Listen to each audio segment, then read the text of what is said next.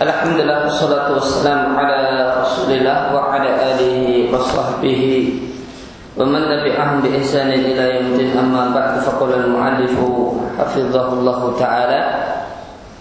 Dzikr tajali fil Qur'ani. Bahasan pembahasan tentang masalah dajjal dalam Al-Qur'an. Para ulama bertanda tanya tentang hikmah kenapa tidak ada penyebutan secara tegas mengenai Dajjal dalam Al-Quran. Padahal fitnah Dajjal demikian besar.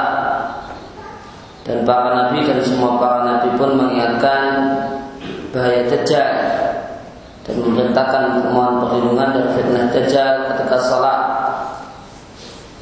Setelah mereka bertanya-tanya maka mereka berupaya memberikan jawaban untuk hal ini dengan beberapa jawaban. Yang pertama adalah Dajjal sebenarnya telah disebutkan namun dengan ayat secara tidak langsung dalam al-ayat beberapa bagian dari al-ayat tanda-tanda kekuasaan Allah yang disebutkan dalam firman Allah Ta'ala di surat Al-An'am ayat yang ke-158 yang mayati ba'du ayati rabbik pada hari datangnya beberapa ayat Rabbmu la yanfa'u nafsan imanuha. Maka keimanan orang yang baru beriman ketika itu tidaklah manfaat. Ilam uh, lam takun amanat min qabl. Jika dia belum beriman sebelumnya atau kasabat fi imaniha khaira demikian juga taatnya orang yang taat itu tidaklah bermanfaat setelah datangnya ayat tersebut. Jadi maksud dengan kasabat fi iman yang khaira artinya jadi orang yang saleh setelah dulunya ahli maksiat maka tobat e, dari kemaksiatan setelah datangnya ba'du ayat rabbik itu tidak ada gunanya sebagaimana tobat dari kekufuran, kekafiran juga tidak ada gunanya.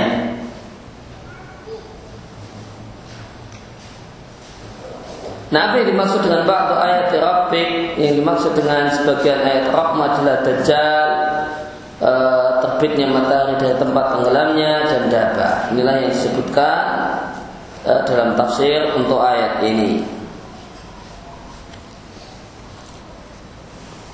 Diatkan oleh Muslim dan Tirmidzi dari Abu Hurairah radhiyallahu anhu Rasulullah sallallahu alaihi wasallam bersabda, "Salah ada tiga perkara jika tiga hal tersebut ya, sudah keluar, la yanfa'u nafsan imanuha." Maka imannya yaitu tobat dari kekafiran tidaklah bermanfaat. Ya. Lam takun amat min jika sebelumnya dia belum beriman atau kasabat fi imannya khairah bertobat dari kemaksiatan menjadi orang yang soleh juga tidak ada gunanya. Itu manakala matahari terbit dari tempat tenggelamnya, munculnya dajjal dan dapat dan keluarnya eh, dapat binatang dari perut bumi. Jawaban yang kedua, Al-Quran hanya menyebutkan turunnya Isa alaihissalam karena Isalah yang bertugas untuk membunuh Dajjal Maka Al-Quran mencukupkan diri dengan menyebut Masihul Huda Yaitu Maria, eh, Isa putra Maryam Dan tidak menyebut Masihul Dolala Yaitu Dajjal Jadi antara kebiasaan orang Arab adalah mencukupkan diri dengan menyebutkan satu dari dua hal yang bertentangan tanpa menyebutkan yang lainnya. Jawaban yang ketiga mengatakan bahasanya Dajjal itu sudah disebutkan dalam firman Allah surat Ghafir disebut juga dengan surat Al-Mu'min ayat yang ke-57 Lakab samawati wal sungguh penciptaan langit dan bumi lebih besar, lebih berat, lebih sulit daripada penciptaan manusia. Ya, sebagian ahli tafsir mengatakan yang dimaksud dengan manusia di sini adalah Dajjal min itlaqil kul alal ba'd. Maka di sini terdapat gaya berbahasa disebutkan keseluruhan dan yang dimaksudkan adalah sebagian. Sebagaimana dalam bahasa Indonesia setelah kami menang Padahal yang menang cuma satu orang Karena ikut lomba satu orang Namun dikatakan setelah kami menang Disebutkan keseluruhan Dan yang dimaksudkan adalah sebagian Maka di sini disebutkan Anas Dan yang dimaksudkan adalah Dajjal. Ini menurut pendapat sebagian ahli tafsir Tepatnya beliau adalah Abul Aliyah.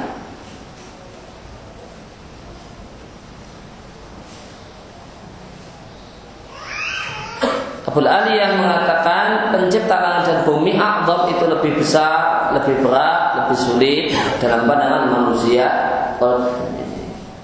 min khalqid dajjal daripada penciptaan dajjal. Dan dajjal adalah hina azamatu al yahudu adalah satu makhluk yang dianggap sangat besar uh, diagungkan oleh orang-orang Yahudi.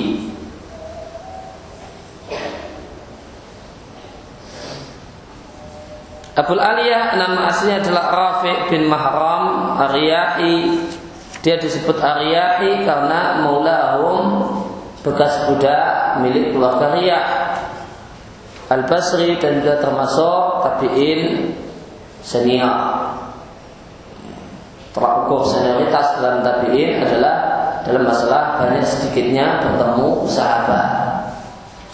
Jika seorang tabi'in itu bertemu dengan sahabat dalam jumlah yang banyak maka dia disebut kibah dan kalau cuma bertemu satu dua orang sahabat maka dia disebut sifat tabiin. Kalau cuma ya, sedang-sedang saja terlalu banyak ya, maka dia disebut tabiin pertengahan Aturkan jahiliyah sebenarnya dia uh, dia ini hidup pernah menjumpai hidup di masa jahiliyah namun dia tergolong tabiin bukan sahabat karena masuk Islamnya setelah wafatnya Nabi Shallallahu Alaihi Wasallam. Dia mengambil riwayat atau belajar dari banyak sahabat radhiallahu anhum wafat tahun 90 Hijriah.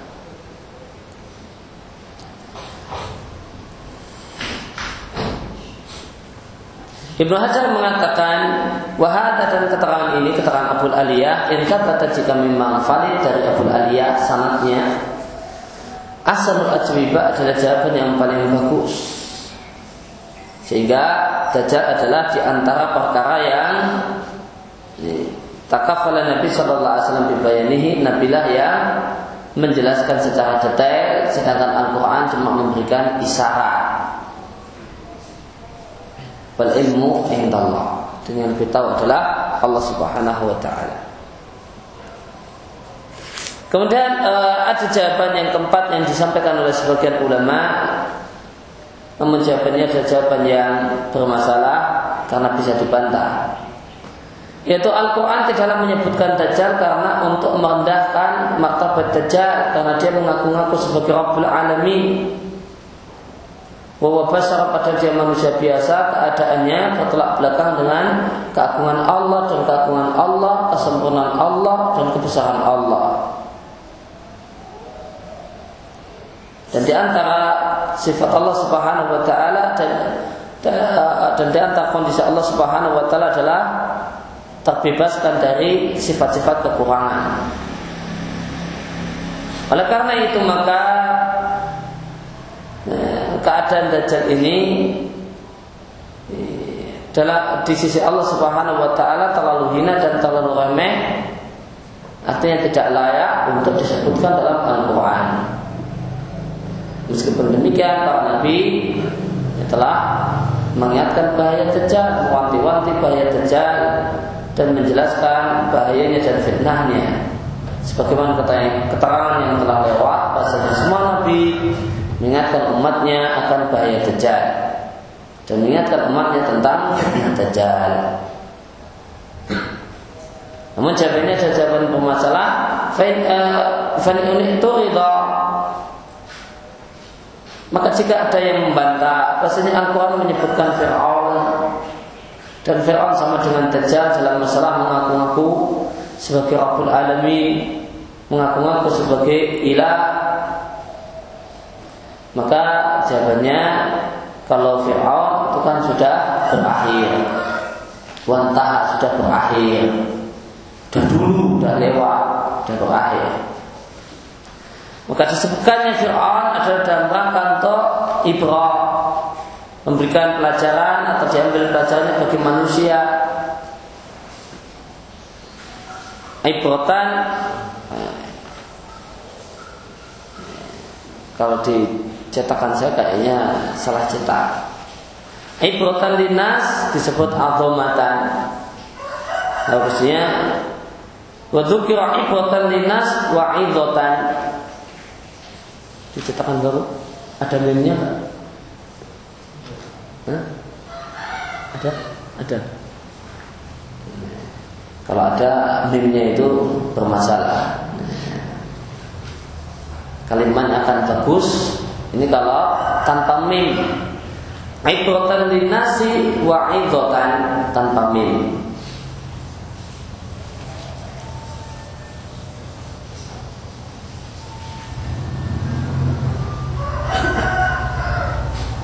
Kalau azamatan adalah kebesaran, kalau idotan tanpa mim sama dengan ibrah. Kalau idotan diambil kata-kata mau idoh peringatan. Maka maknanya kurang lebih sama dengan ibrah. Dan itu lebih bagus daripada azamatan. Waktu maka Dajjal, eh, maka Fir'aun itu disebut dalam Al-Quran ibratan dinas supaya manusia bisa mengambil pelajaran darinya wa'itotan dan supaya manusia bisa mengambil pelajaran darinya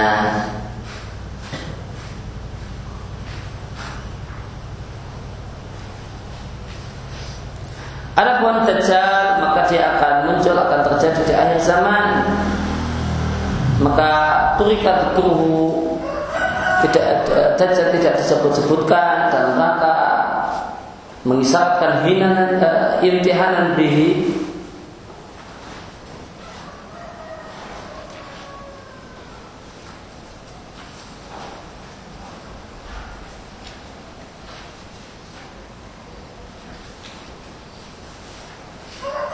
cetakan baru imtihanan itu ya.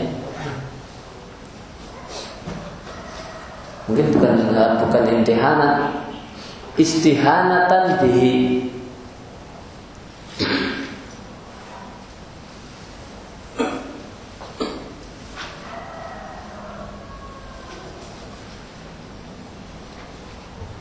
Istihanatan bihi. Faturika maka dajjal tidak disebutkan uh, dalam Al-Qur'an istihanatan bihi untuk menunjukkan rendahnya dajjal hinanya dajjal.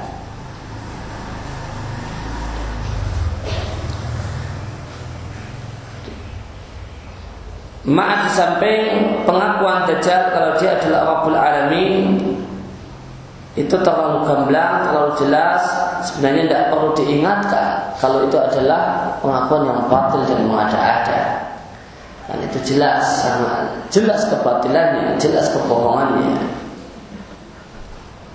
karena Dajjal zahirun nafsi sangat jelas kalau dia adalah makhluk yang tidak sempurna wadhu dan uh, dia adalah makhluk yang sangat jelas tercelanya, tercela fisiknya.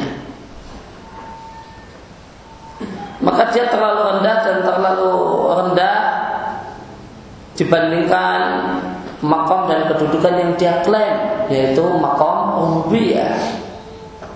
Maka Allah tidak menyebutkan dajjal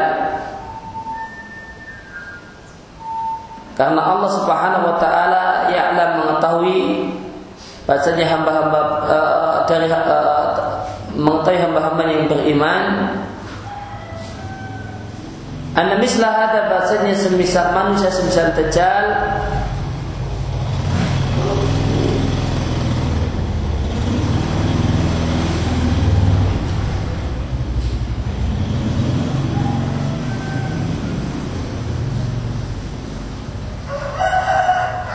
la yukhawifahum tidaklah mengkhawatirkan mereka dan tidaklah menambah bagi mereka kecuali iman dan ketundukan pada Allah dan Rasulnya. Sebagaimana perkataan anak muda yang dibunuh oleh Dajjal kemudian dihidupkan maka setelah dia dihidupkan oleh Dajjal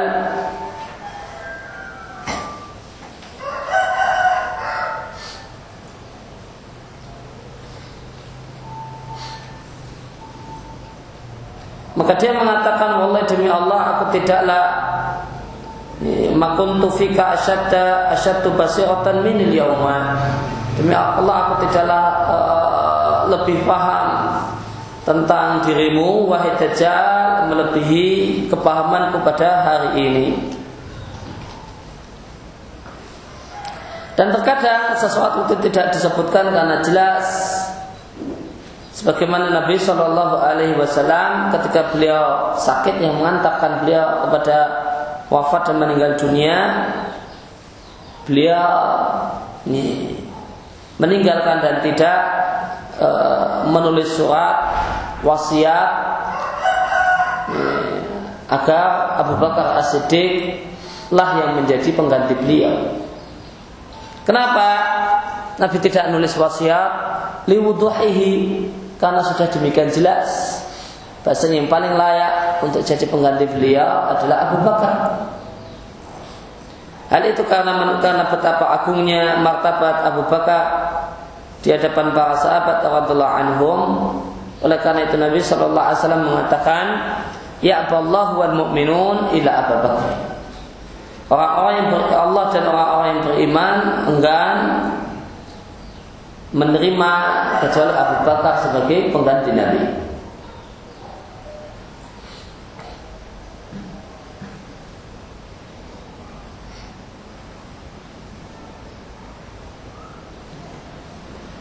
Jadi uh, tadi jawaban keempat, kemudian ada bantahan, kemudian ada jawaban. Meskipun demikian Ibnu Hajar mengatakan pertanyaan ini tentang kenapa tidak disebutkan dalam Al-Quran itu masih terbuka, peluang masih terbuka. Untuk jawaban nomor empat ini, yaitu Allah Subhanahu Wa Taala menyebutkan Ya'juj dan Ma'juj dalam Al-Quran. Dan fitnah Ya'juj dan Ma'juj itu berdekatan dengan fitnah Dajjal. Sehingga bisa kita katakan jawaban yang keempat adalah jawaban yang eh, tidak memuaskan. Karena jawaban yang mengandung sisi-sisi kelemahan. Sehingga kesimpulannya Uh, maka kesimpulannya boleh jadi jawaban pertama itulah jawaban yang paling mendekati wallahu a'lam. Sehingga Dajjal itu sebenarnya telah disebutkan namun secara tidak jelas eh, eh, namun dia adalah bagian dari ba'dul ayat yang akan datang di akhir zaman yang akan muncul di akhir zaman kemudian Nabi Shallallahu Alaihi Wasallam lah yang menjelaskan secara detail keterangan yang global ini Kemudian berikutnya adalah kematian Dajjal. Kematian Dajjal itu di tangan Al-Masih Isa putra Maryam alaihi salam. Sebagaimana yang dijelaskan oleh sejumlah hadis-hadis yang sahih.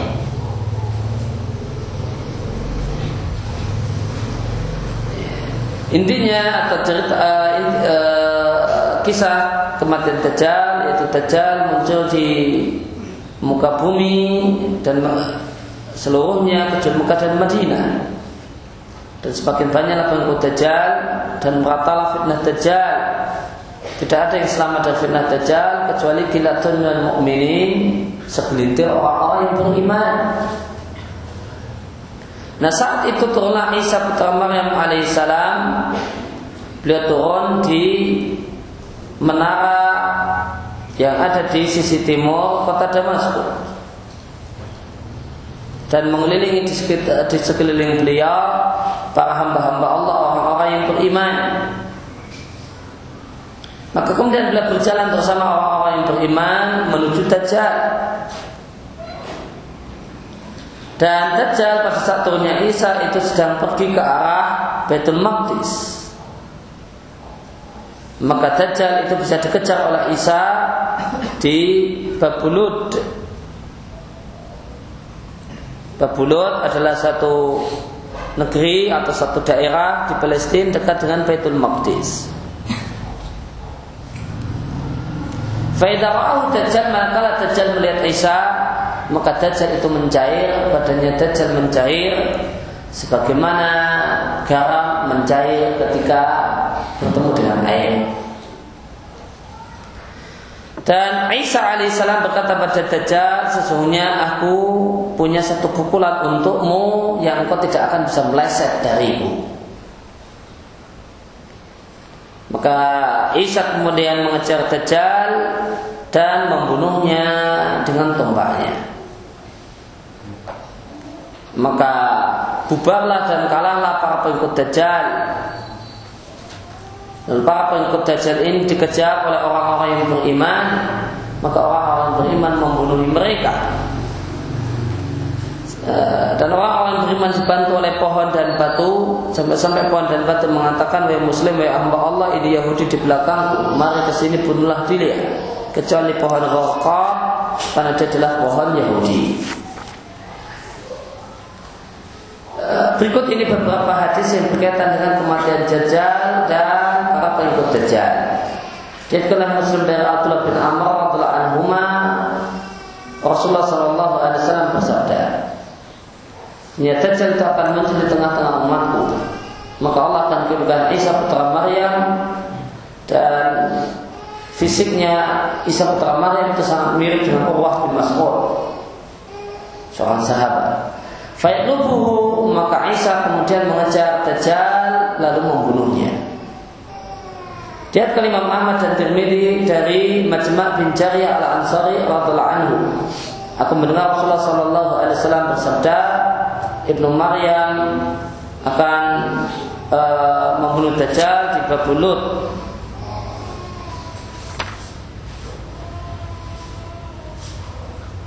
Dia kalian Muslim dari Nawas bin Sam'an radhiallahu anhu dalam hadis yang panjang tentang Dajjal dan di sana kisah tentang turunnya Isa dan bagaimana Isa membunuh Dajjal. Di sana Nabi bersabda, "Fala yahilu likafirin yajidu riha nafasihi ila mada." Tidaklah halal bagi satu pun orang kafir yang menjumpai bau napasnya Nabi Isa kecuali langsung mati. Bau napasnya Nabi Isa eh, jika tercium oleh setiap orang kafir maka orang kafir tersebut langsung mati seketika. Padahal wa nafasuhu yantahi haitsu yantahi ta'fuh. Padahal nafas Nabi Isa itu jangkauannya bau napasnya sama dengan sejauh pandangan matanya. Faituhu maka Isa mengejar Dajjal sehingga berhasil menyusul Dajjal di di kampung Babylon lalu Isa membunuhnya. Dia ke Imam Ahmad dari Jabir bin Abdullah radhiallahu anhu beliau mengatakan Rasulullah sallallahu alaihi wasallam bersabda, "Ya khujud dajjal, dajjal muncul di dunia fi khafqatin nadini wa idbarin min ilmi." Manakala dunia itu secara umum bisa kita katakan kosong dari agama dan eh, dan perginya ilmu agama. Kemudian turunlah Isa putra Maryam Fayunati minas sahar Isa putra Maryam berseru atau berteriak di malam hari eh, di waktu sahur dan mengatakan oleh manusia yaitu orang-orang yang beriman apa yang menghalangi kalian untuk keluar menuju al-qadzab al-khabir?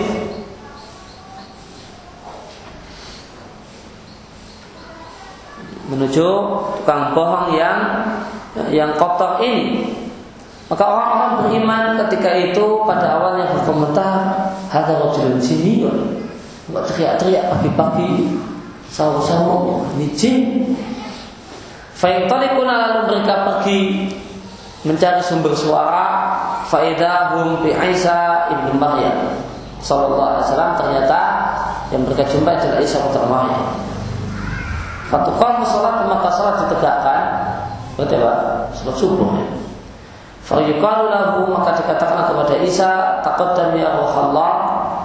Wahai Nabi Allah yang memiliki gelar roh Allah Silahkan maju untuk jadi imam kami. Fayaqul maka Isa mengatakan Dia taqaddam imamukum. Yang maju adalah imam kalian, pimpinan kalian Yaitu Mahdi.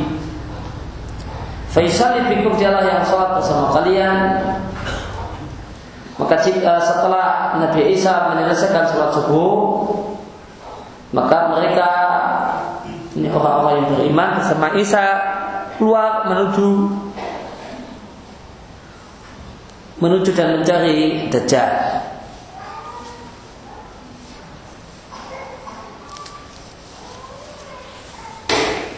Fahina yang al kadzab maka tatkala al kadzab itu Dajjal yang melihat Isa yang masuk kama yang masuk bilah maka dia mencair badannya larut sebagaimana mencair dan larutnya garam di dalam air. Fayamsi ilaihi maka Isa kemudian berjalan mendekati Dajjal lalu membunuh Dajjal. Sampai-sampai pohon dan batu berseru, wahai roh Allah, wahai Isa, ini ada Yahudi. Maka Isa tidaklah membiarkan satupun orang yang menjadi pengikut Dajjal kecuali beliau bunuh.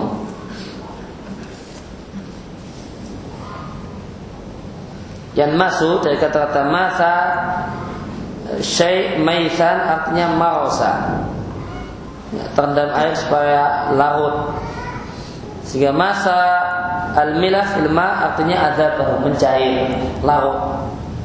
Demikian dari lisan Allah maka dengan terbunuhnya Dajjal la'anahullah maka berakhirlah satu fitnah yang besar.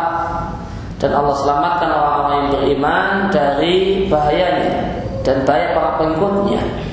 Yang maka Allah selamatkan orang-orang yang beriman ala yadi melalui ruhullah wa kalimato seorang nabi yang gelarnya ruhullah dan kalimatullah yaitu Isa putra Maryam alaihissalam dan para pengikutnya yaitu orang-orang yang beriman walillahil hamdu wal minnah.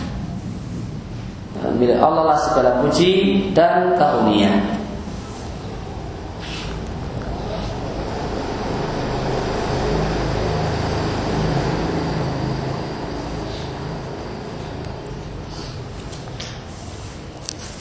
Maka sebelum kita lanjutkan masa pasal yang ketiga tentang turun Isa alaihissalam, maka ada beberapa catatan tambahan berkaitan dengan pelajaran yang lewat. Itu e, pada bab e, masalah menjaga diri dari dajjal.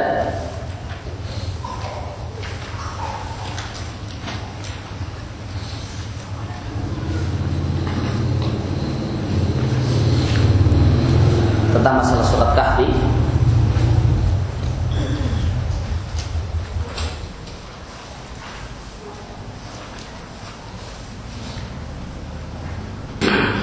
Uh, maka uh, kemarin kita baca hadis tentang anjuran untuk membaca surat kahfi pada hari Jumat. Itu sebuah hadis yang diriatkan oleh Al Hakim dari Abu Sa'id Al Khudri radhiallahu anhu Nabi Shallallahu Alaihi Wasallam bersabda, Inaman kau surat Al Kahfi Misalnya siapa saja yang baca surat kahfi pada hari Jumat maka atau ada nur maka Allah akan berikan Allah akan terangi dia dengan cahaya Jumat, Jumat tersebut dan Jumat berikutnya. Nah, di sini diriatkan oleh Al Hakim dalam Mustadrak. Al Hakim mengatakan di sini sanadnya sahih meskipun Bukhari dan Muslim tidak meriatkannya. Zahabi mengatakan Nuaim bin Hamad itu bermasalah. Zulmanakir karena dia memiliki hadis-hadis yang muka, hadis-hadis yang keliru. Sedangkan uh, Sa'al al-Bani uh, juga mensahihkan menilai sahih hadis ini. Maka hadis uh, Al-Hakim ini membahas tentang masalah anjuran baca surat kahfi dan di sini dikatakan dan juga untuk membaca surat kahfi pada yaumul jumu'ah. Dan yang namanya yaum dari sejak terbit fajar sampai tenggelam matahari. Maka di sini dianjurkan untuk membaca surat Al-Kahfi sejak datang fajar hari Jumat sampai sebelum tenggelamnya matahari pada hari Jumat. Bagaimana dengan uh, membaca surat Al-Kahfi pada malam Jumat, Kamis malam Jumat? Maka tentang membaca surat Al-Kahfi pada Kamis malam Jumat Maka terdapat hadis yang diatur oleh dari Di disebutkan Man surat Al-Kahfi Lailatul Jumu'ah. Siapa baca surat Kahfi pada malam Jumat Addu'a minan nur Fima bainahu wa baitil atiq. Maka Allah subhanahu wa ta'ala akan memberikan badannya cahaya Yang terang Yang itu cukup untuk menerangi antara dia Tempat dia berada membaca surat Al-Kahfi sampai ke Ka'bah.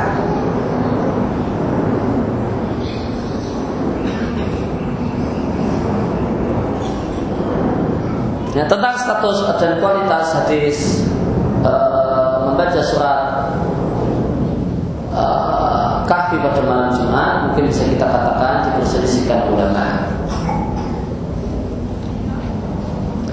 Eh, Syekh Al-Albani rahimahullah taala menilainya sebagai hadis yang sahih dan beliau memasukkan hadis ini dalam Sahih Al-Jami' As-Sahih.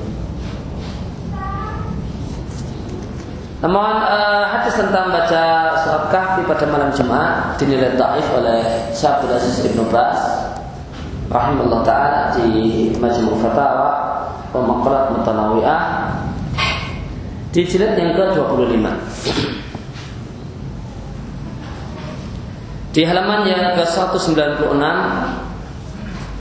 di sana disebutkan ada pertanyaan yang ditujukan dan disampaikan kepada Syekh Abdul Aziz Ibn Bas taala. Apakah membaca surat kafir pada hari Jumat dan malam Jumat adalah satu amal yang dianjurkan? Kajian beliau tentang masalah ini terdapat beberapa hadis yang marfu, sebagian yang menguatkan sebagian yang lain yang uh, hadis-hadis tersebut menunjukkan disyariatkannya yaitu dianjurkannya baca surat kahfi pada hari Jumat. Artinya apa? Hadis tentang uh, membaca kahfi pada hari Jumat kalau menurut saya bebas tidak sampai derajat sahih. Derajatnya adalah hasan di. Ya sudah ba'duha ba'duha ba'dha. Sebagian yang menguatkan sebagian yang lain. Artinya lemah. Aslinya adalah hadis yang lemah namun ya, sebagian bisa menguatkan sebagian yang lain artinya hasan li Namun terdapat riwayat yang sahih. Terdapat riwayat yang sahih dari sahabat Abu Sa'id Al-Khudri radhiyallahu anhu mauqufan alaih. Dengan status sebagai hadis yang menunjukkan bahasanya sahabat Abu Sa'id Al-Khudri ya, itu suka membaca surat Al-Kahfi pada Eh, hari Jumat. Kemudian berkatakan pemislu dan layak ya'mal min ra'i. Dan uh, dan semacam ini tidaklah mungkin uh, ditemukan oleh Abu Said Al-Khudri berdasarkan istihad dan pendapat. Bal uh, dulu ala anna fi sunnah namun ini menunjukkan uh, bahasanya beliau mengetahui adanya sunnah Nabi, ajaran Nabi dalam masalah ini.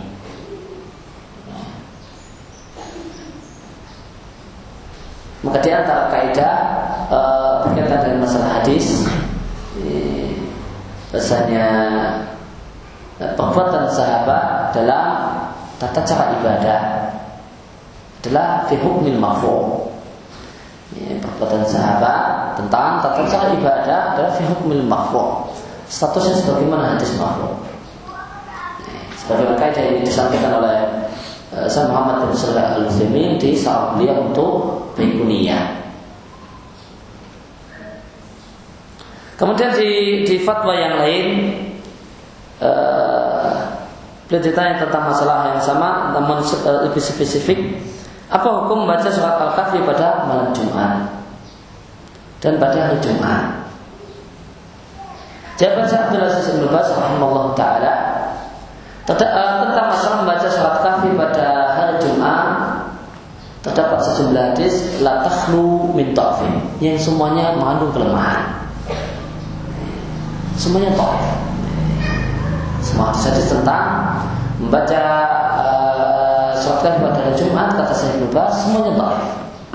Semuanya mengandung kelemahan. Akan tetapi Sedangkan ba'du ahli ilmi sebagian ulama mengatakan annahu yasuddu ba'du ba'da. Bahasanya kelemahan yang ada tentang masalah hadis-hadis membaca surat kafi pada hari Jumat itu sebagainya bisa menguatkan sebagian yang lain sehingga tasluh lil ihtijaj sehingga layak untuk jadikan hujah. Namun yang jelas sahabat Nabi Sa'id al-Khudri radhiyallahu anhu annahu kana yaf'alu. Terdapat riwayat yang sahih dari Abu Sa'id Al-Khudri radhiyallahu anhu bahwasanya beliau suka melakukan hal itu. Sehingga kesimpulannya fal amal bidzalika hasanun. Maka mengamalkan hal tersebut membaca surat kafi pada hari Jumat satu adalah satu amal yang baik dengan dua alasan. Alasan yang pokok kata beliau adalah alasan yang pertama yang pokok meneladani sahabat Abu Sa'id Al-Khudri. Ini alasan yang pokok. Karena ini yang menurut beliau riadnya sahih. Kemudian alasan yang kedua, alasan tambahan dan penguat mengamalkan beberapa hadis yang telah e, diisyaratkan karena hadis tersebut Yusad yasudu ba'duha ba'da sebagian menguatkan sebagian yang lain. Dan hadis tersebut dikuatkan dengan praktek sahabat yaitu sahabat Abu Sa'id Al-Khudri.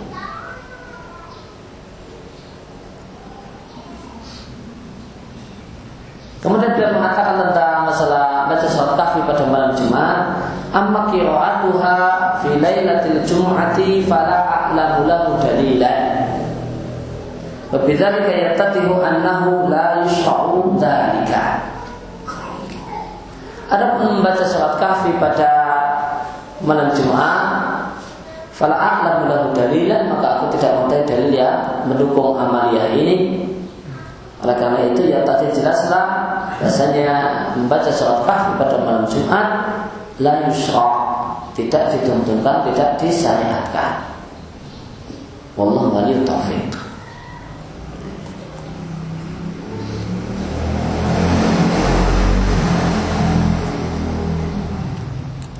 Ya, tentang kata saya lepas di di sini uh, aku tidak mengetahui dalil untuk itu ya, maka maknanya boleh jadi ya, dalilan yasluhul ihtijaz dalil yang layak untuk jadikan hujah atau jadi maknanya saya tidak tahu saya tidak mengetahui adanya riwayat yang menganjurkan uh, untuk baca surat al-kahfi pada malam Jumat.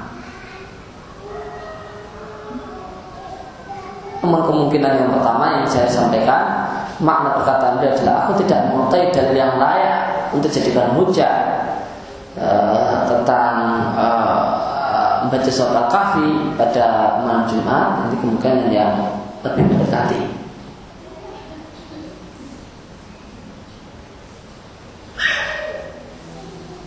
Sehingga bisa kita katakan uh, bahasanya tentang membaca surat kahfi kalau malam Jumat, kemis malam Jumat satu kota yang diperselisihkan ya, apakah riwayatnya valid riwayat ad-darimi yang menganjurkan untuk membaca surat kahfi pada malam Jumat apakah itu satu riwayat yang benar-benar valid? Sebagaimana pendapat Sa'al al yang menilainya sebagai riwayat yang sahih. Ya, atau sebagaimana pendapat Syekh Lubas yang mengatakan dia tidak menjumpai dalil yang layak dijadikan hujah dalam masalah ini. Alhamdulillah maka kita sarankan uh, jika membaca surat Al-Kahfi maka adalah memilih untuk membacanya pada hari Jumat sejak terbit fajar pada hari Jumat sampai sebelum tenggelamnya matahari minimal khurujan anil khilaf dan maka minimal keluar dari khilaf ulama dalam masalah ini.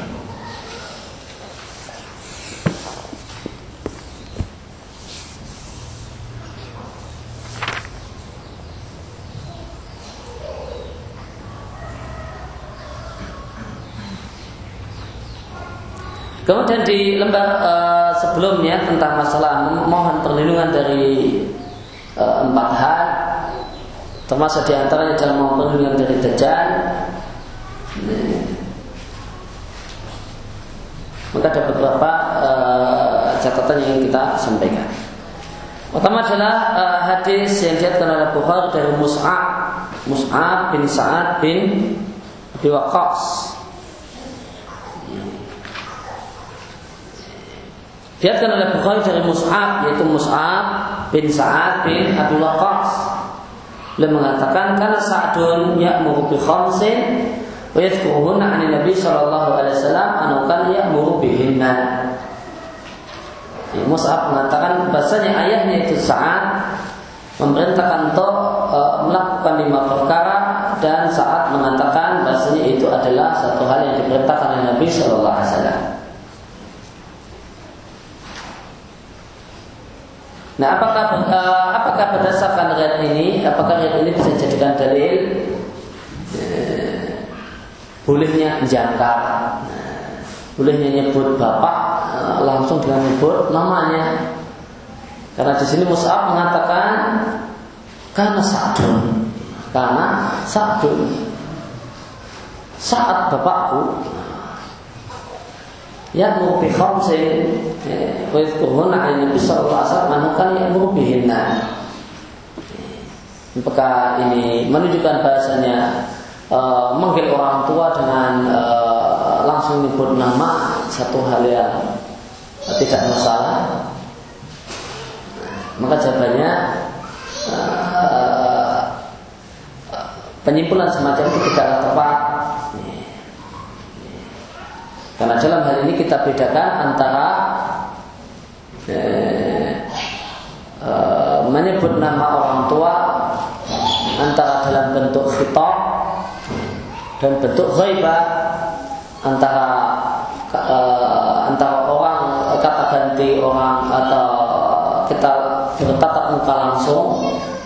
Dan kita cuma menyebutkan dan menjadikan beliau sebagai orang ketiga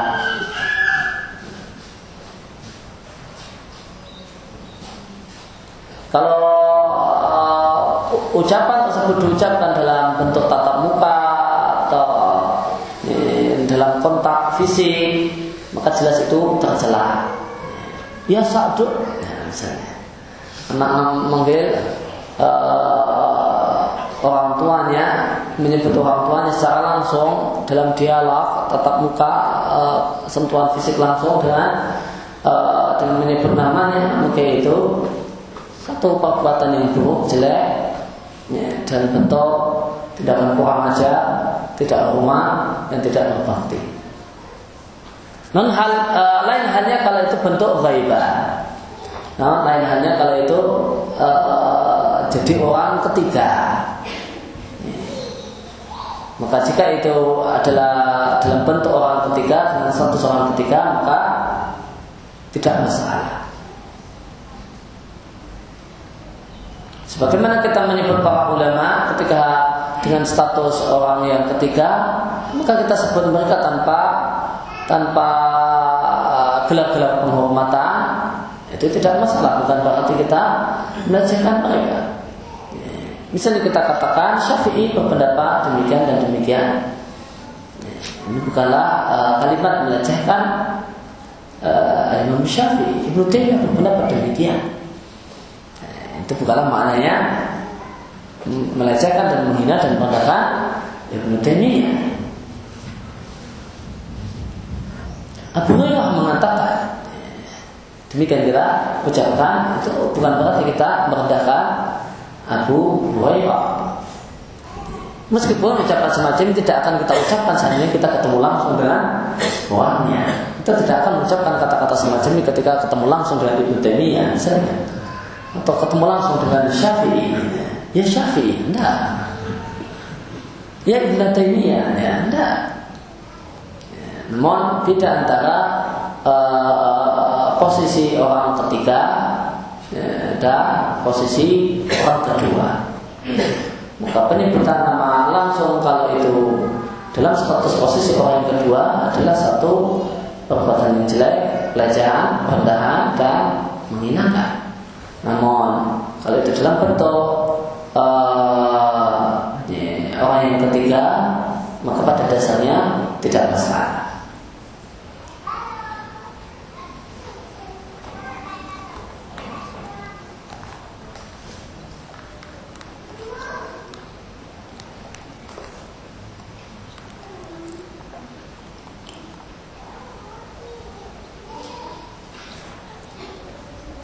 Kemudian berkaitan dengan makna uh, uh, ta'arud atau isti'adah mohon perlindungan dari empat perkara. Allahumma ini a'udzubika min adzab jahannam wa min adzabil qabri wa min fitnatil mahya wal mamat wa min syarri fitnatil masih dajjal. Ya Allah sesungguhnya aku berlindung kepadamu dari siksa neraka. Kan, uh, maka neraka salah satu namanya disebut dengan jahanam dan uh, ulama berselisih pendapat jahanam ini mustaq ataukah bukan? Uh, sebagian uh, sebagian pakar bahasa Arab mengatakan jahanam itu mustaq dari jahmun. Yang maknanya dalam bahasa Arab adalah hitam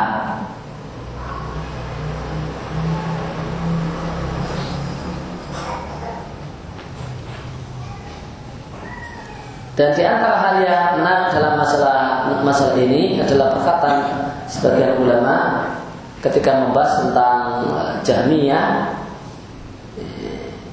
Maka min ibil koda tokoh Jahmiyah merupakan tokoh kesesatan namanya adalah mustaq dari jahanam Jaham bin Sofwan karena Jaham itu mustaqnya jahanam nah, akar kata jahanam itu diambil dari kata jahmun itu jadi nama tokoh kesesatan yang demikian parah kesesatannya. Kenapa uh, neraka disebut jahanam? Berdasarkan pendapat ulama yang mengatakan dia adalah mustaq, maka karena jauhnya atau dalamnya dasar neraka karena sesuatu yang jauh dasarnya itu gelap dan hitam atau karena ya, warna api neraka adalah hitam ya, dan bukan merah. Wamin ada kubur dan dari siksa kubur. Yang dimaksud dengan siksa kubur adalah siksa barzakh. Adapun kubur itu, adapun disebut kata-kata kubur adalah mimbatul ghalib.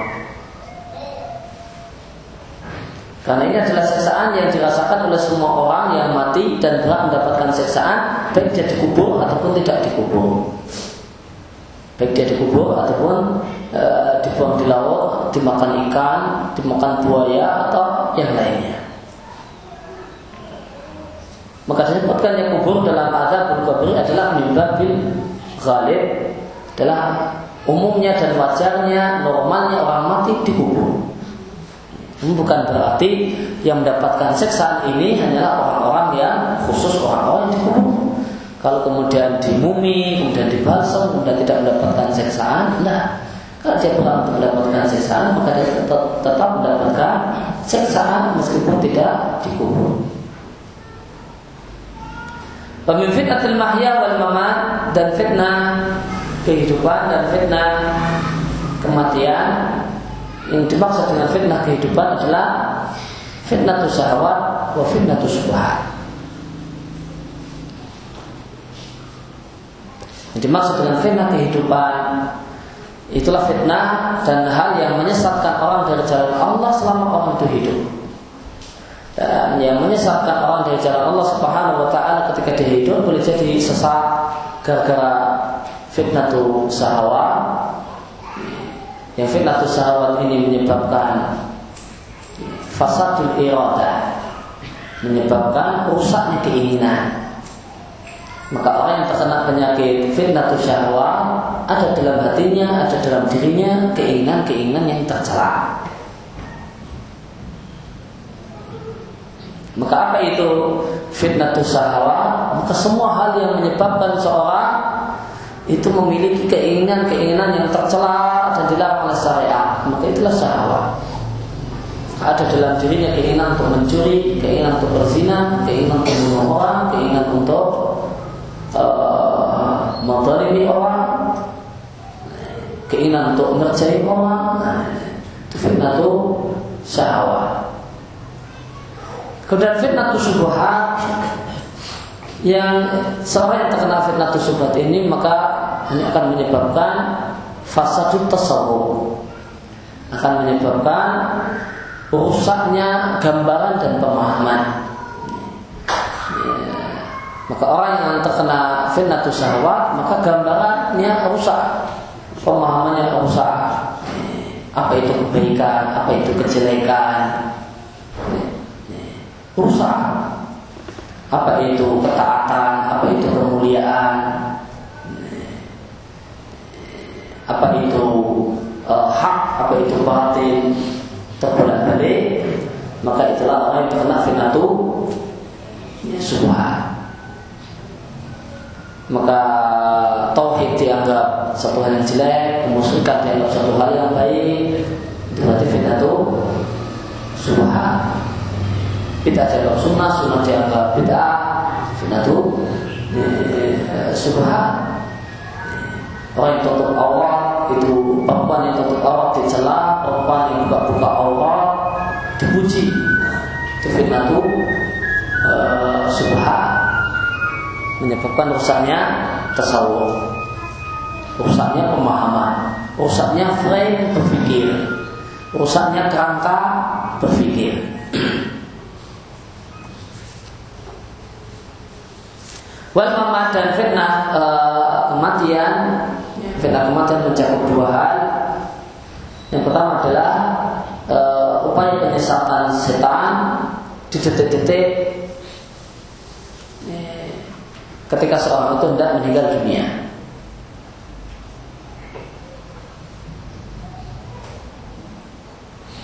Dan yang kedua yang dimaksud dengan fitnah kematian adalah sama dengan fitnatul kubri yaitu pertanyaan muka dan akhir kepada orang yang meninggal dunia.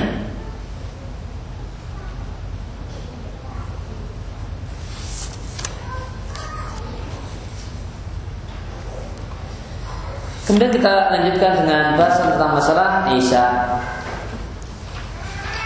Al-Fasl Al-Thalis Nuzul Isa alaihi salam Fasal yang ketiga tentang turunnya Isa alaihi salam Sebelum kita membicarakan tentang turunnya Isa bin Maryam alaihi salam Maka satu hal yang baik Jika kita mengenal ciri fisik Isa Yang terdapat dalam dalil-dalil saya maka poin yang pertama adalah bahasa atau ciri fisik Isa alaihissalam.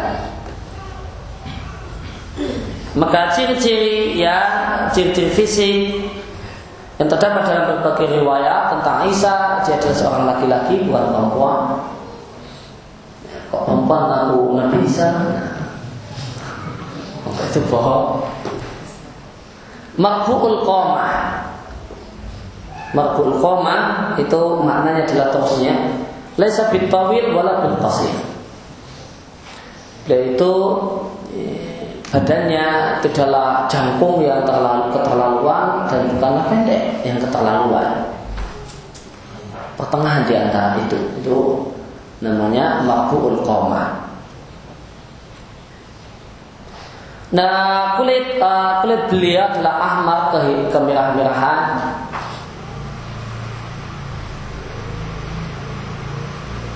Kemudian di satu riwayat dikatakan beliau itu jadul rambutnya keriting, non dikatakan di riwayat yang lain satu syari rambutnya lurus. Nanti akan ada penjelasan tentang kompromi uh, dua riwayat ini. Itu sadri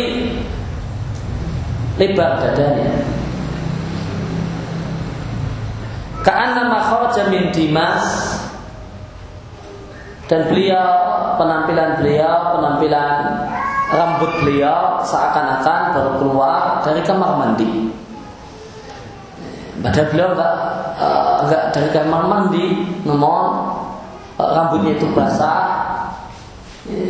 seakan-akan uh, habis keramasan dan baru keluar dari kamar mandi kalau ada orang namanya Dimas maka Dimas itu kamar mandi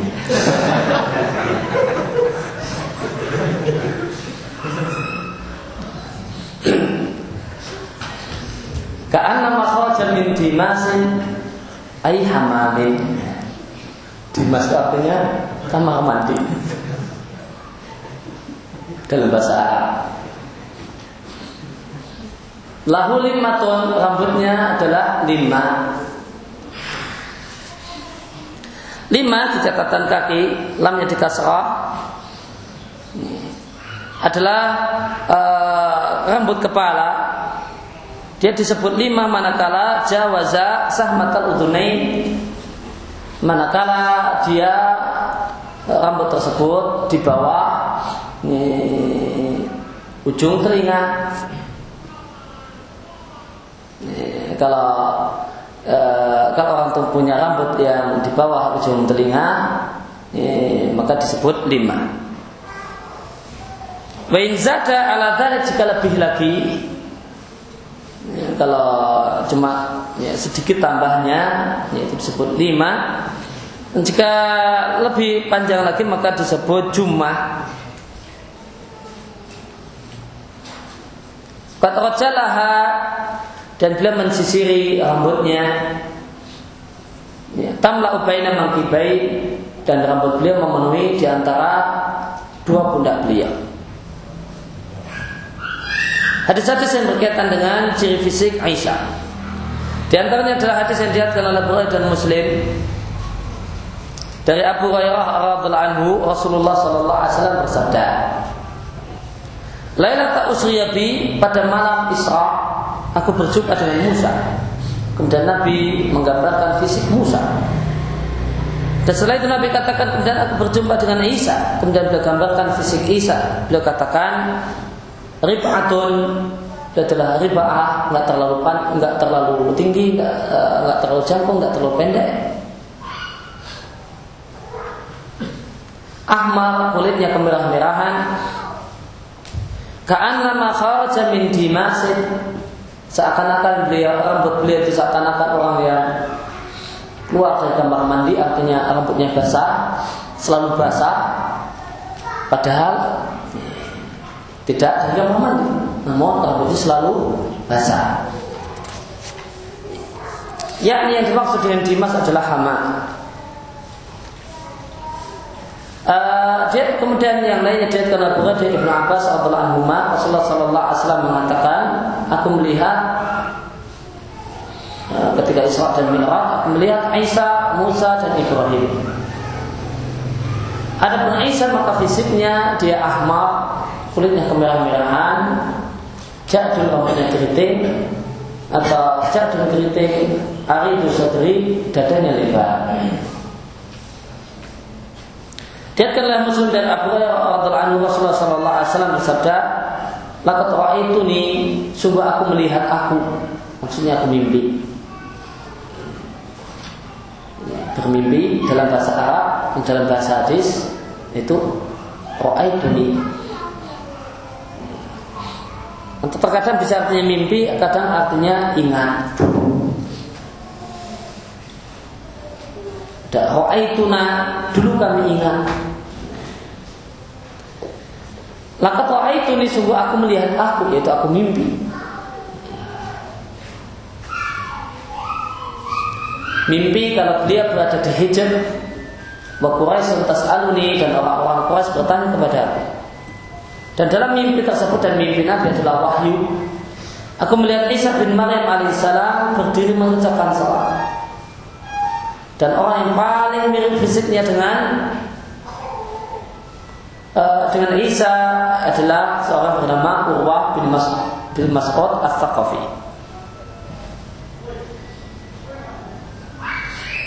Dia catatan lagi. Beliau adalah seorang sahabat yang mulia Abu Mas'ud Urwah bin Mas'ud bin Mas'ud bin Mut'ab bin Malik As-Saqafi.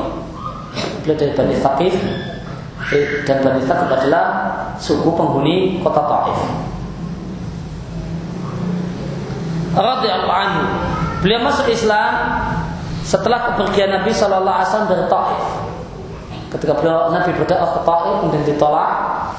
Setelah beliau meninggalkan Taif, nah, ini adalah waktu masuk Islamnya Abu Mas'ud Urwah bin Mas'ud.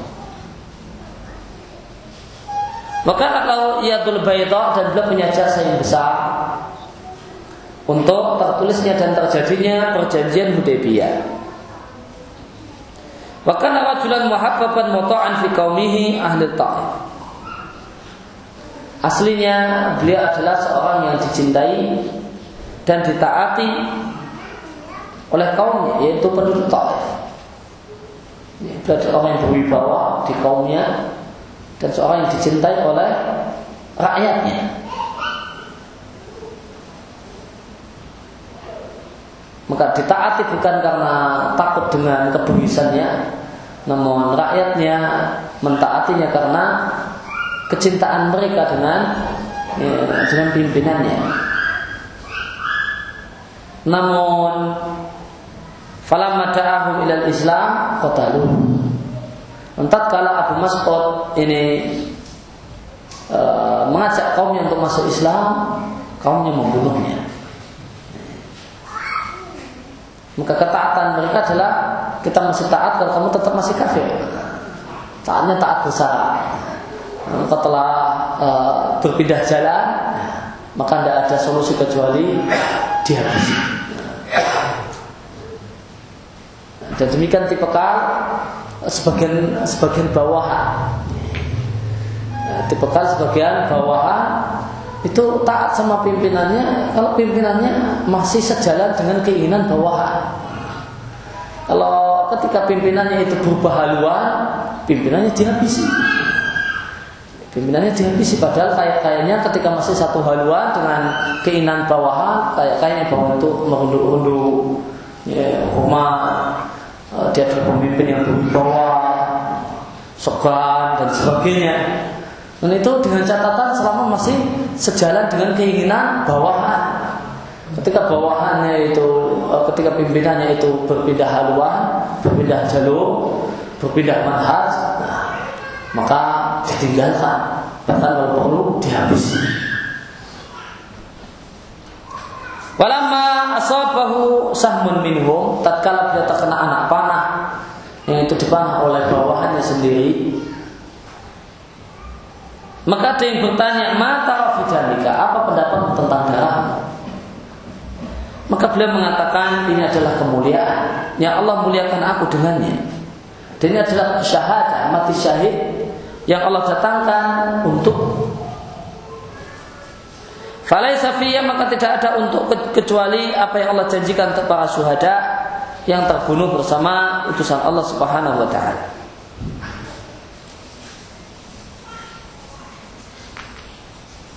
Alat dikutuli yang mereka terbunuh bersama Rasulullah Sallallahu Alaihi Wasallam sebelum Rasul meninggalkan kalian.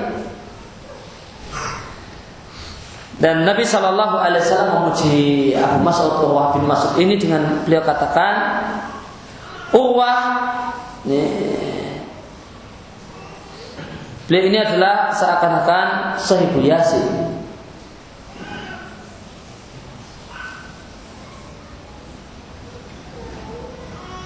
Sallallahu alaihi wasallam uh, dia adalah seakan-akan seorang rasul yang Allah utus di satu daerah yang Allah ciptakan di surat Yasin. Yang Allah ciptakan di surat Yasin itu yang dimaksud dengan sahib Yasin. Rasul utusan Allah yang Allah utus kepada satu daerah sebagian ahli tafsir mengatakan itu daerah Antokia namun ada yang benar tidak bisa kita tegaskan daerah mana di mana dia adalah uh, uh, bagian dari kaumnya kemudian mendakwai kaumnya agar beriman mau dibunuh oleh kaumnya. Kemudian setelah dia itu meninggal dunia, dia mendapatkan nikmat surga, maka dia mengatakan, Ya laita kaumi ya'lamun bima ghafara rabbi. Seandainya kaumku mengetahui bagaimanakah ampunan yang Allah berikan kepadaku dan berbagai kenikmatan yang Allah sediakan untukku maka seorang yang sangat luar biasa dibunuh oleh kaumnya ketika kemudian dia setelah mati dia mendapatkan nikmat dan kaumnya dan Allah Subhanahu wa taala ingat kaumnya. Terus seandainya mereka mau beriman, padahal dia dibunuh oleh kaumnya, didolimi oleh kaumnya. Dia mendakwai kaumnya, dibunuh, dihabisi, masuk surga, mendapatkan nikmat yang teringat, ya laita kaum ya Seandainya kaumku, umatku mereka ngerti betapa indahnya surga, betapa manfaatnya mereka beriman, betapa nikmatnya kenikmatan akhirat. Maka uh, ini menunjukkan apa? Nasihat yang luar biasa kan nasihat keinginan menginginkan kebaikan pada orang lain yang luar biasa. Karena wajarnya orang kalau didolimi oleh orang lain kemudian dia dapat enak setelah didolimi dia nggak akan ingat dengan yang mendoliminya. Malah dia akan mengatakan syukur kamu nggak dapat. Nah, ya, syukur kamu nggak dapat. Kan orang akan mengatakan demikian. Namun tidak demikian sahibu yasin tidak demikian sahibu yasin dia ada seorang yang jiwanya sangat luar biasa. Semangatnya untuk menghendaki kebaikan mengharapkan kebaikan untuk kaumnya untuk masyarakatnya satu semangat yang luar biasa. Maka Nabi Shallallahu Alaihi Wasallam mengatakan bahasanya Urwah ini, ini bin Mas'ud ini bagikan atau tak ubahnya sebagaimana Sahibu Yasin apa titik kesamaan antara Urwah dengan Sahibu Yasin? Da'a kaumahu ilallah faqatalu. Di mana mereka ini sama-sama mengajak kaumnya pada agama Allah Subhanahu wa taala kemudian kaumnya menghabisinya, membunuhnya. Wakilah dan dikatakan bahasanya Urwah bin Mas'ud ini adalah yang dimaksudkan dalam ayat yang menceritakan firman Allah menceritakan ucapan orang-orang musyrik yang menolak Muhammad sebagai utusan Allah dengan mengatakan laula nuzila hadzal qur'anu ala rajulin minal qaryat min min qaryatain azim Seandainya Quran itu diturunkan pada seseorang al-azim yang besar min qaryatain dari dua kampung ini yaitu kampung Mekah dan kampung Taif. Maka sebagian orang yang menolak untuk beriman dengan Al-Quran dan beriman dengan Rasulullah Wasallam mereka mengatakan, kenapa yang beriman? Kan kenapa yang dia akan jadi Rasul yang diberi Al-Quran? Kalau yang diberi uh, diberi eh, diberi Al-Quran yang diangkat jadi Rasul itu adalah pimpinannya orang penduduk Mekah atau pimpinannya penduduk Taif yaitu Uwah bin Mas'ud kami akan beriman. Jadi karena bukan uh, mereka-mereka itu yang uh, diangkat jadi rasul dan diberikan diberi Al-Qur'an, maka aku maka kami tidak mau beriman. Nah, ada uh, sebagian ahli tafsir mengatakan bahasanya yang dimaksud dengan rajulin azim min qaryatain adalah Urwah bin Mas'ud.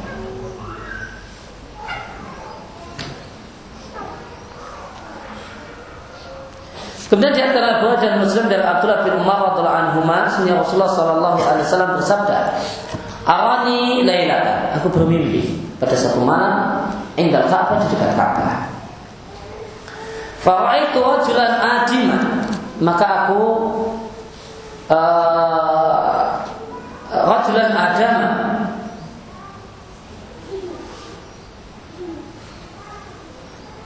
maka aku melihat seorang kulitnya sawo mata.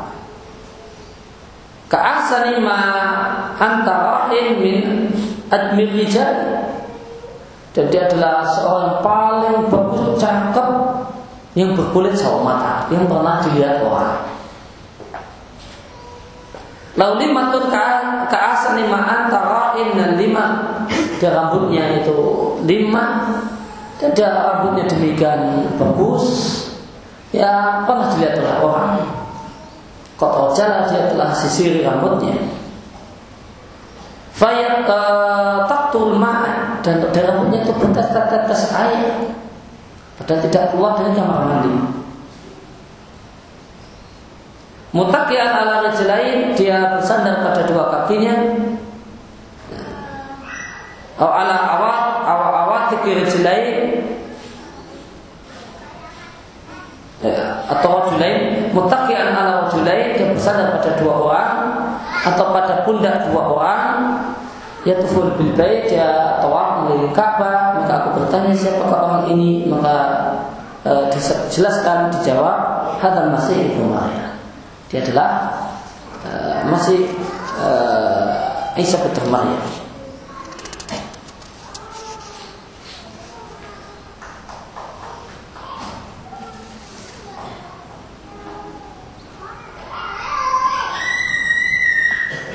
Ya Adim atau Adam itu makna makna asalnya adalah al asma adalah sawo matang. Jadi data sama yang sangat sawo matang. Dan ada yang mengatakan itu diambil dari atmatul ardi. Yaitu kulit bumi. Kulit bumi maksudnya permukaan bumi. Ai lauha warna permukaan bumi. Kenapa sawo matang itu disebut uh, adim atau adam? Maka uh, bahasa, uh, dari sisi penjelasan bahasa Arab ada yang menjelaskan itu diambil dari kata-kata atmanul ardi. Atmanul ardi maknanya wajul ardi, permukaan bumi. Maka sawo matang itu disebut adam karena itulah uh, warna tanah permukaan bumi secara umum. Wabi sumia Adam alaihissalam. Dan Adam itu disebut Adam karena demikian. Ada disebut Adam karena demikian karena dia tercipta dari permukaan tanah. Maka dia disebut Adam. Ya, maka Adam itu adalah e, kalau dari tinjauan makna secara bahasanya berkulit sawo mata itu Adam. Kenapa? Kenapa di kenapa dalam bahasa Arab disebut demikian? Karena itulah warna permukaan bumi diambil dari kata-kata Itmanul arti artinya permukaan bumi.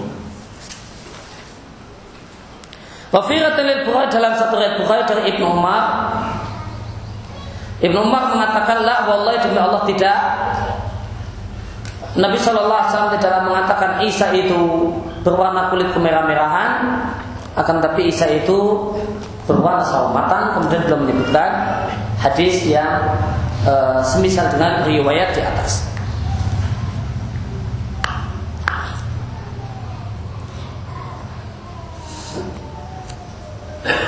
Dalam salah satu ayat Muslim anhu dari Ibnu Umar, Nabi Shallallahu Alaihi Wasallam mengatakan ternyata dia adalah seorang yang rajulun ada, seorang yang berkulit sawo mata, rajil syari dan dia sisir rambut kepalanya.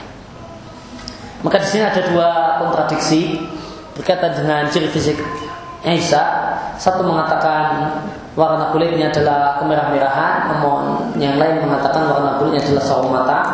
Yang tentu ini berbeda dan satu riwayat mengatakan rambutnya atau jakdun yang artinya keriting dan satu lagi mengatakan lurus.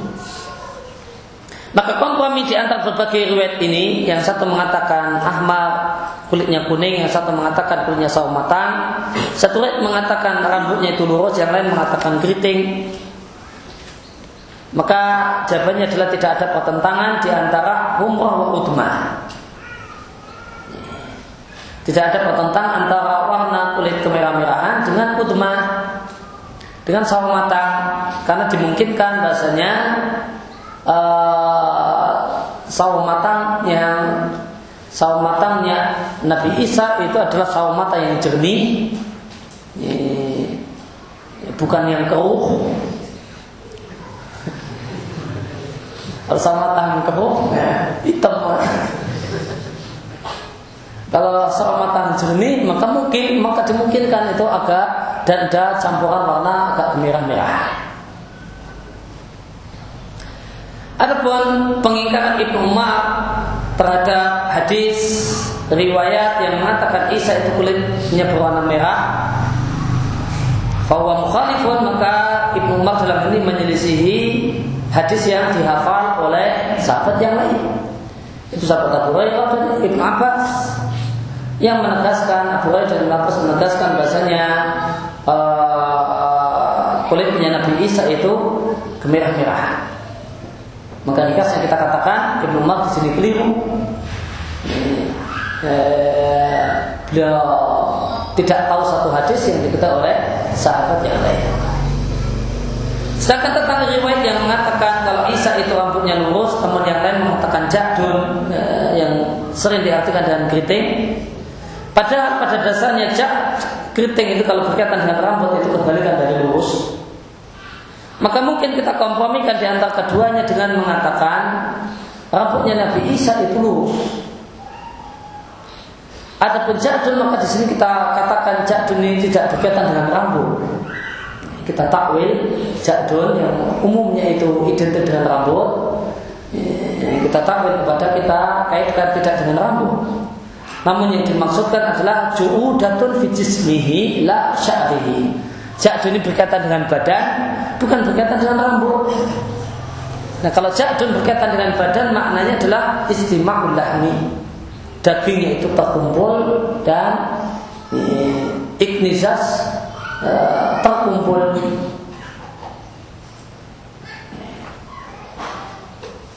maka mungkin Quran lebih maknanya gemuk penuh dengan daging ya,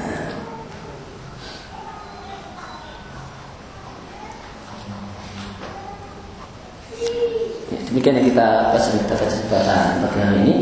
Allahumma alimna min fa'una wa fa'na bima lam tanaba sayyidina Imam sallallahu alaihi wa sallam nabi Muhammad wa Alaihi Wasallam. wa sallam. Wa ta'ala alhamdulillah.